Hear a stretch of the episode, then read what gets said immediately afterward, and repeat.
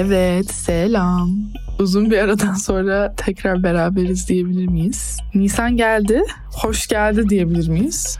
Bence diyebiliriz. Baharın sıcaklığı hala kemiklerimizi ısıtacak seviyeye gelmemiş olsa da hissiyat olarak ben kış aylarını tamamen kapadım. Benim için artık sadece bir mevsim var. Yaz. Böyle diyorum ama daha önce 20'likte söylediğim gibi ben geçiş mevsimlerini çok severim. Sonbaharın o ilk yaprak ışırtısı, ilkbaharın ilk ince ceket tişört ile çıkabildiğin gecesi bunlar beni çok heyecanlandırır. Heyecanlandırır ama şu an aklımda sadece deniz ve beni böyle battaniye gibi saracak Haziran, Temmuz ve Ağustos var.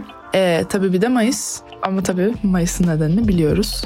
Bu hafta yoğun gündemler, geçişler, değişimler ve alınmamakta ısrar eden havalarda bize dost olan bir şeye bakıyoruz. Diziler. Bizi bazen aşina olduğumuz olayları ayna tutarak düşündüren, bazen de uzak diyarlara götüren o güzel diziler. Uzak diyarlar diyorum ama bu hafta çok uzaklara gitmiyoruz. Türkiye'deyiz. Kıstık ışıkları, uzattık bacaklarımızı, aldık battaniyemizi, belki yasladık kafamızı sevdiğimizin koynuna, belki sarıldık kedimize köpeğimize, üfledik çayımıza, açtık televizyonu. Aa dur, internete bağlı değilmiş televizyon. Neydi ya bunun şifresi? Heh, tamam. O zaman başlıyoruz. İyi seyirler. Şimdi bu hafta dizi izliyoruz. 20'likte bazı kült dizileriyle ilgili harika yazılar paylaştık. Ayşe'nin Avrupa Yakası ve Bihter'in 12. ölüm yıl dönümünde andığı Aşkı Memnu yazısını okumanızı şiddetle tavsiye ediyorum burada. Ayrıca şunu da hemen ekleyeyim. Ben Avrupa yakasından beri doğru düzgün dizi izlemedim. Aşkı Memnu'yu hiç izlemedim. O Beni Beni Bihter'ini sahnesi dışında. Hatta 20'lik yazarları tarafından da azıcık azarlandım bu konuda. Ama neyse ki bu sayı için yazan 20'liklerimiz dizi profesyonelleri, doçentler resmen. Benim tüm eksiklerimi bir bir kapatacaklar. E, diziler bazen gerçek dünyadan kopmamıza yardımcı oluyor. Bazen de yalnız olmadığımızı hatırlatıyor. Bu hafta üstüne yazılar yazdığımız diziler Türkiye'nin kültürel dokusuna, toplumsal cinsiyet dengelerine, içinde barınanların hayat standartlarına değinen dizilerden oluşuyor. Irmak bu ara çok konuşulan Kızılcık Şerbeti'ne ve sansürün doğasına değiniyor. Gözde Türkiye'nin gerilim dizilerine ışık tutuyor. Yasmin yani ben de Gibi'nin yeni sezonunu kutluyorum. O zaman size keyifli dinlemeler, aynı zamanda okuyorsanız keyifli okumalar.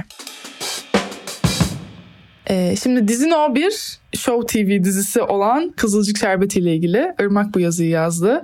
Irmak'a ben zaten dizi piri belledim. O yüzden ondan çıkan yazıların hepsine çok güven duyuyorum. Özellikle Türk dizi ekosistemiyle ilgili olanlara. O zaman başlıyoruz. Yazısının adı Bir Türkiye Gerçeği, Türk Dizileri, Nur Semalar ve Sansür.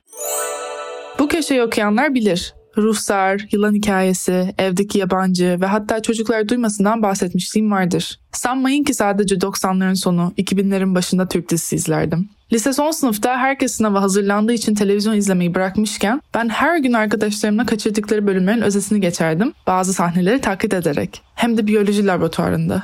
E bir de bayıl istersen Feriha. Sizlere yalan söylemeyeceğim. Türk dizisi izlemek benim için hep bir zevk oldu ve suçlu da hissetmiyorum. Öyle ki sektörün acımasız koşulları ve anlamsız uzun dizi saatleri canımı çok sıksa da bir türlü kopamadım Türk dizilerinden. Belki her şeyi tahmin edebilmenin anksiyetemi rahatlatmasından, belki de verdiği tanıdıklık hissinden, bilmiyorum. Suçlu hissetmiyorum dedim demesine ama haftalar önce Kızılcık Şerbeti'ne denk gelip içimde feci bir merak hissedince ben bile biraz utanma belirtisi gösterdim. Sanki biri beni kontrol ediyormuşçasına gizli sekmeden açmaya başladım birkaç çarpıcı sahnenin videolarını. Neden mi çekindim? Seküler bir ailenin kızının muhafazakar bir ailenin oğlundan olan beklenmedik hamileliği ve ikilinin evlenmek istemelerine konu olan dizi olaylı başlamıştı. Seküler annenin başörtülü kadınları kast ederek bunlar da her yerde demesiyle aslında seküler insanlara kötü gösterdiği bir propaganda aracı olduğu fikriyle feci eleştiriliyordu. Bu eleştiriler sosyal medyada döne dursun ben artık çarpıcı videoları geçip tüm diziye kendimi iyice kaptırdım. Gizli sekmeler de biraz nefes aldı. İzledikçe fark etmeye başladım ki aslında bu dizi alanında öncü nitelikteydi bana göre. Birincisi şimdiye kadar dizilerde muhafazakar aileleri ya düşük sosyoekonomik statüde Feriha'nın bela babası gibi ya da insanüstü arkadaşım Eren Alp'in deyimiyle karikatürize mükemmellikte ilahi karakterler gibi görürken burada oldukça varlıklı fakat insani falsoları olan bir aile profili görüyorduk. Bu açıdan hem farklıydı hem de gerçeği yansıtıyordu. İkincisi toplumun polarize yapısına ışık tutuyor hem de bunu tipik bir Türk dizisinin aksine olayları sakız gibi uzatmadan yapıyordu. Hakikaten iki uç vardı. İkisi de kendi bildiğini doğru sayıyor ve bunları çocuklarına dayatmakta geri durmuyorlardı. Emre Erbirer'in yazısında dediği gibi bu iki taraf çocuklarını kendi makbullerine göre büyütüyor ve tam da bu noktada muhafazakarı ve seküleri fark etmiyordu. İkisi de gerektiğinde törpülenmeli ve birbirine anlayış göstermeyi öğrenmeliydi. Ne kadar da biz, ne kadar da gerçek. Çocukların ilişkilenmesiyle beraber bu iki aile de istemeseler bile etkilenip dönüşmeye başladılar tabii. Buradan sonrası ağır spoiler içerir diye ırmaktan bir uyarı geliyor. O yüzden izlemediyseniz kulaklarınızı kapayın ya da geçin daha mantıklı olabilir. Başlarda seküler gelinlerine ve dünür aileye nefretle bakan muhafazakar görümcü Nursema'nın seküler tarafın arkadaşı Umut'tan hoşlanmaya başlamasıyla geçirdiği dönüşüm diziyi bambaşka bir yere çekti. Annesinin erkek evlatlarına tanıdığı ayrıcalıktan rahatsız oldu Nursema. Kardeşi Fatih'in sevgilisi evlenmeden ondan hamile kalabiliyor ama Nursema biriyle flört bile edemiyordu. Sanatını sergilemesi kabul edilmiyordu ve annesinin uzantısı gibiydi. Birey olmasına izin verilmeyen ve ait olduğu yer sadece ev olan, önce baba evi sonra da koca evi. Sırf birini sevdi diye tokat yedi Nursema. Apar topar ve zorla varlıklı bir muhafazakar ailenin oğluyla evlendirildi çünkü davul bile dengi dengindeydi. Ağlaya ağlaya gelin gitti Nursema. Üstüne bir de kendisine dokunmasını istemediği için damat tarafından şiddet gördü ve pencereden aşağı atıldı. Yineliyorum. Bu da çok gerçek. Sonra mı ne oldu? Nursema başlarda hoşlanmadığı seküler ailenin genç kadınlarıyla dayanışmanın da etkisiyle kendi gücünü fark etti. İki yüzlülük midesini bulandırdı.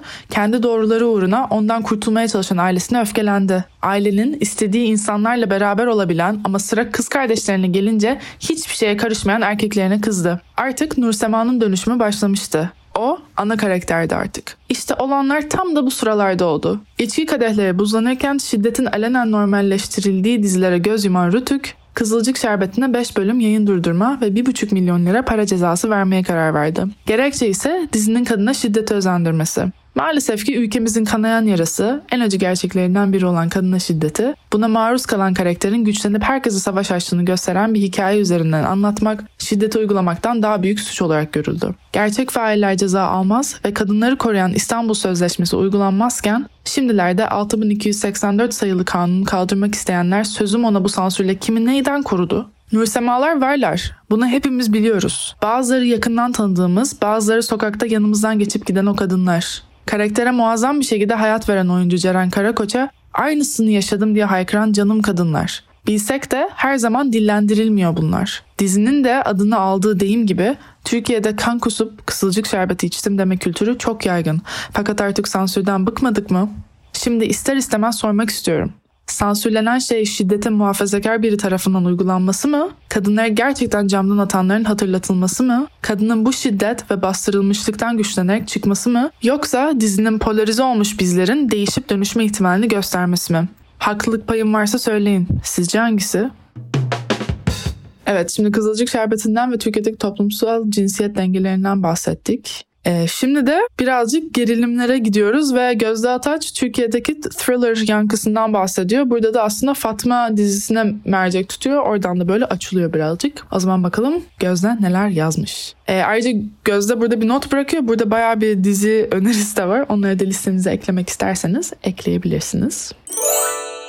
Yakın zamanda Unseen adıyla uyarlaması yapılan Fatma dizisi ve onun merceğinde son zamanlardaki gerilim türündeki başarılı örneklerden bahsedeceğim. Son yıllarda çok ses getiren ve alışılagelen uzun soluklu Türk dizi yapısının tersine sürükleyici, farklı senaryolarla dikkat çeken dizilerle sıkça karşılaşıyoruz. Dizi sürelerinin yarım saat bakışmalı, bol ağlamalı iki saati geçtiği televizyon sektöründen yavaş yavaş dijital platforma geçmesiyle farklı türlerde Türk dizileri görmeye başladık. Alışılmış dramın yanında bilim kurgudan komediye pek çok yapım yayınlandı. Aralarında en az birini duyduğumuz veya izlenecek listesine eklediğimiz Şahsiyet, Bir Başkadır, Sıcak Kafa, Pera Palas'ta Gece Yarısı, Andropoz ve Mezarlık gibi birçok diziyi hem oyunculukları hem senaryosuyla hayranlıkla izledim. Ancak son yıllardaki bu başarılı yapımlar arasında bana göre Fatma ve Masum Türk dizi sektöründe gerilim türüne yön veren dizilerin başında geliyor. Fatma, Özgür Onurmen'in kaleme aldığı ve Özer Feyzioğlu ile yönetmenliğini paylaştığı 2021 yılında bir sezon olarak dijital platformda yayınlanan 6 bölümlük bir dizi. Başrolünde Burcu Biricik'in oynadığı bu dizi bir kadının içine çekildiği karanlık bir dünyada neler yapabileceğini bize gösteriyor. Psikolojik bir drama gibi başlayan dizi gerilime dönüşüyor ve her bölümde merakla içine çekiyor. Bir temizlik işçisi olarak çalışan Fatma'nın seri katile dönüşü ve bu dönüşümün harika bir oyunculukla bize yansıtılmasını kesinlikle çok başarılı buldum. Temizliğin ilk bölümden itibaren aldığı metaforik kavram ile Fatma'nın her seferinde tacizi, tehdidi ve travmalarını siler hale gelmesi, günümüzde eril dünya üzerine kurulu çoğu televizyon dizisinin yanında Fatma'yı eşsiz kılıyor. Fatma ile kalıpların dışına çıkan Türk dizi sektöründe şu günlerde bir de Biz Kimden Kaçıyorduk aynı rüzgarı esiyor. Kalemini bilenin ayrılamadığı Perihan Maden'in romanından esinlendi ve Ertan Kurtalan tarafından dizi haline getirildi. Melisa Sözen'in adeta yaşayarak yaptığı oyunculukla bütünleşen bu dizide bir annenin geçmişteki travmalarını çocuğunu koruyarak sarmaya çalışması ve her tehdidin üstünü yeni bir cinayetle örterek kaçışı anlatıyor. Bambi'nin hikayesini sık sık duyduğumuz bu dizide anne ve kızın polisten kaçışı aslında geçmişlerinden ve avlanmaktan kaçış olarak yansıtılmış. Yayınlandığı ilk andan itibaren Netflix'te en çok izlenenler arasına yerleşip Dünya Top 10 listesine ilk üçe girmeyi başardı. Dizideki görsel başarıyı, oyunculukları ve senaryonun bu kadar sürükleyici olmasını her bölüm sonunda şaşkınlıkla devam edebilmeyi sağlamasını çok başarılı buldum. Melisa Sözen'in oyunculuğuyla, Türkiye'nin her mevsiminden yansıtılan görsel doğa şovlarıyla ve yönetmenin başarılı dokunuşlarıyla Türk dizi tarihine geçen bu diziyi izlemediyseniz bir bakmalısınız. ABD polisiye yapımlarının yanına alışık olmadığımız türde Türkiye yapımı dizilerin bu derece ses getirmesi akıcı senaryolar, başarılı oyunculuklar ve imzasını taşıyan yönetmenlerle mümkün olmuştur. Dramı bambaşka boyutlara taşıyıp bize Türk thriller dizi örneklerini sunan ve yarattığı dalgalarla göğüs kabartan bu yapımlar aslında mavi ekran ötesinde bu sektörde ne kadar başarılı olunabileceğini gösteriyor. Böylece zeki senaryoları, yönetmenin perspektifiyle boyut atlayıp oyunculuklarla derinleşen, izleyeni tüm akıcılığıyla peşinde sürükleyen dizileri ülkemize daha çok görebilmeyi ve yapılan işlerle gurur duyarken sanatın ve sanatçının hep desteklenmesini dilerim. Bu iki diziden gördüğümüz bir şey var. Aslında Türkiye'nin değişen e, dizi ekosisteminin dijitalleşmeyle olan bağlantısından çok bahsediyor. Yani aslında Kızılcık Şerbeti hala Show TV'den o kadar da dijitalleşmiş diyemeyiz ama bu alışılagelinmiş dediğimiz gibi böyle 7 saatlik dizilerdense daha kısaltılmış ve böyle konuları daha derinlemesine işlenmiş diziler görüyoruz. Şimdi de daha sketch türünden bir dizi olan Gibi'den bahsediyoruz. Yeni sezonu bu Mart ayının sonunda çıktı. Ben hala böyle tam yetişemedim. Üçüncü sezona başlıyorum yakında. Ama bu dizi bence çok önemli bir yerden girdi Türkiye'ye. Ben de Yasmin olarak. O zaman ben de Hayat gibi yazımla sizlerleyim. Bu yazı minik spoilerlar içeriyor gibi 2021'de hayatımıza girmiş olsa da ben onunla 2020'nin son demlerinde karşılaştım diyebilirim. İlk sezonun ilk bölümü Kokoriç ile beni almıştı hayran kitlesine. Absürt komedi olarak geçen bu dizi Türkiye'de çok örneği olmayan bir yerden girdi ve bence büyük bir ihtiyacı karşıladı. Her bölümün birbirinden bağımsız olduğu dizi örneklerini Türkiye'de çok sık görmüyoruz. Bu özelliğiyle benim listemde Broad City ve Black Mirror gibi dizilerle beraber duruyor. Evet biraz ne alaka diyebilirsiniz. Broad City gibi şehri ve gündelik yaşamı odağına alıyor. Black Mirror gibi günümüzün gerçekliklerini birazcık abartıyla tefsir ediyor. Feyyaz Yiğit ve Kıvanç Kılınç'ın Yılmaz ve İlkan olarak başrolleri paylaştığı dizide gündelik hayattan kesitler görüyoruz. Olaylar çığırından çıkıyor, küçücük şeyler koskocaman oluyor. Türkiye'de yaşayanlar olarak bence bizim saçmalıklara karşı bir mıknatıs özelliğimiz var. Bu da mı olur dedirtecek çok şey deneyimliyoruz. Memlekette çoğu şeyi şakayla karışık yaşıyoruz gibi de Türkiye'deki hayat gibi ağlanacak hale gülme felsefesini içselleştiriyor. Gibiyi özel yapan şeylerden biri dizinin karanlığa, iç karartıcılığa, melankoliye yaklaşmaktan kaçınmaması.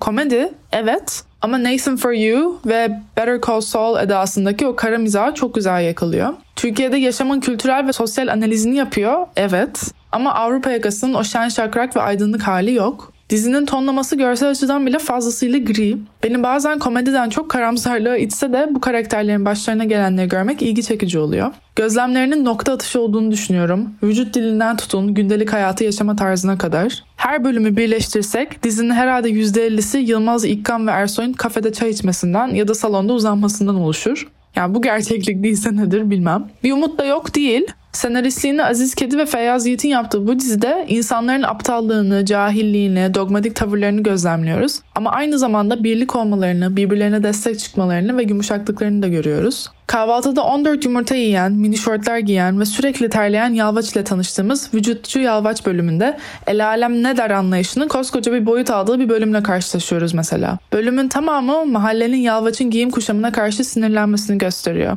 Olaylar büyüyor da büyüyor. Tehditler geliyor. Sonunda kendi dairelerinden bile kaçma durumunda kalıyorlar. Her şeyin bir nizamı olduğunu savunan mahalle sakinleriyle Yılmaz İkkan ve Yalvaç'ın karşılaşmasından çıkan sonuç ne peki? Mahalle sakinlerinin de fit olmayı, spor yapmayı öğrenmek istemeleri özenme ve kabullenememe arasındaki dengeyi gösteriyor. Ya da hala benim favori bölümlerimden biri olan kokoreçi düşünelim. Dayatma ve maçoluğun kokoreç dükkanında boyut almış hali midir? İnsanların aşırı yardımsever halinin bir kritiği midir? Hani o kadar yardım etme ve naziklik telaşına düşülüyor ki korkutucu oluyor gibi midir? O zaman gibi de aslında hayatta dengeden yoksun tepkilerin, düşüncelerin, deneyimlerin bir temsil değil mi? Belki analiz yapma pahasına çok zorluyorum. Ama gibi bence Türkiye'deki yaşamın gerçekçi bir aynası olarak bizlerle buluşuyor. O kırık dökük ama renkli mi renkli mozaikte parçalar kimi zaman yerine yerleşiyor. Kimi zaman yapışkan gevşiyor. Biri tak diye yere düşüyor. E o düşeni yapıştırmak da bize düşüyor. 20'likte denge meselesini çok işliyoruz. Gibi de sanki bu dengenin sağlanamadığı durumlardaki uçların harika bir temsili gibi. Değil mi?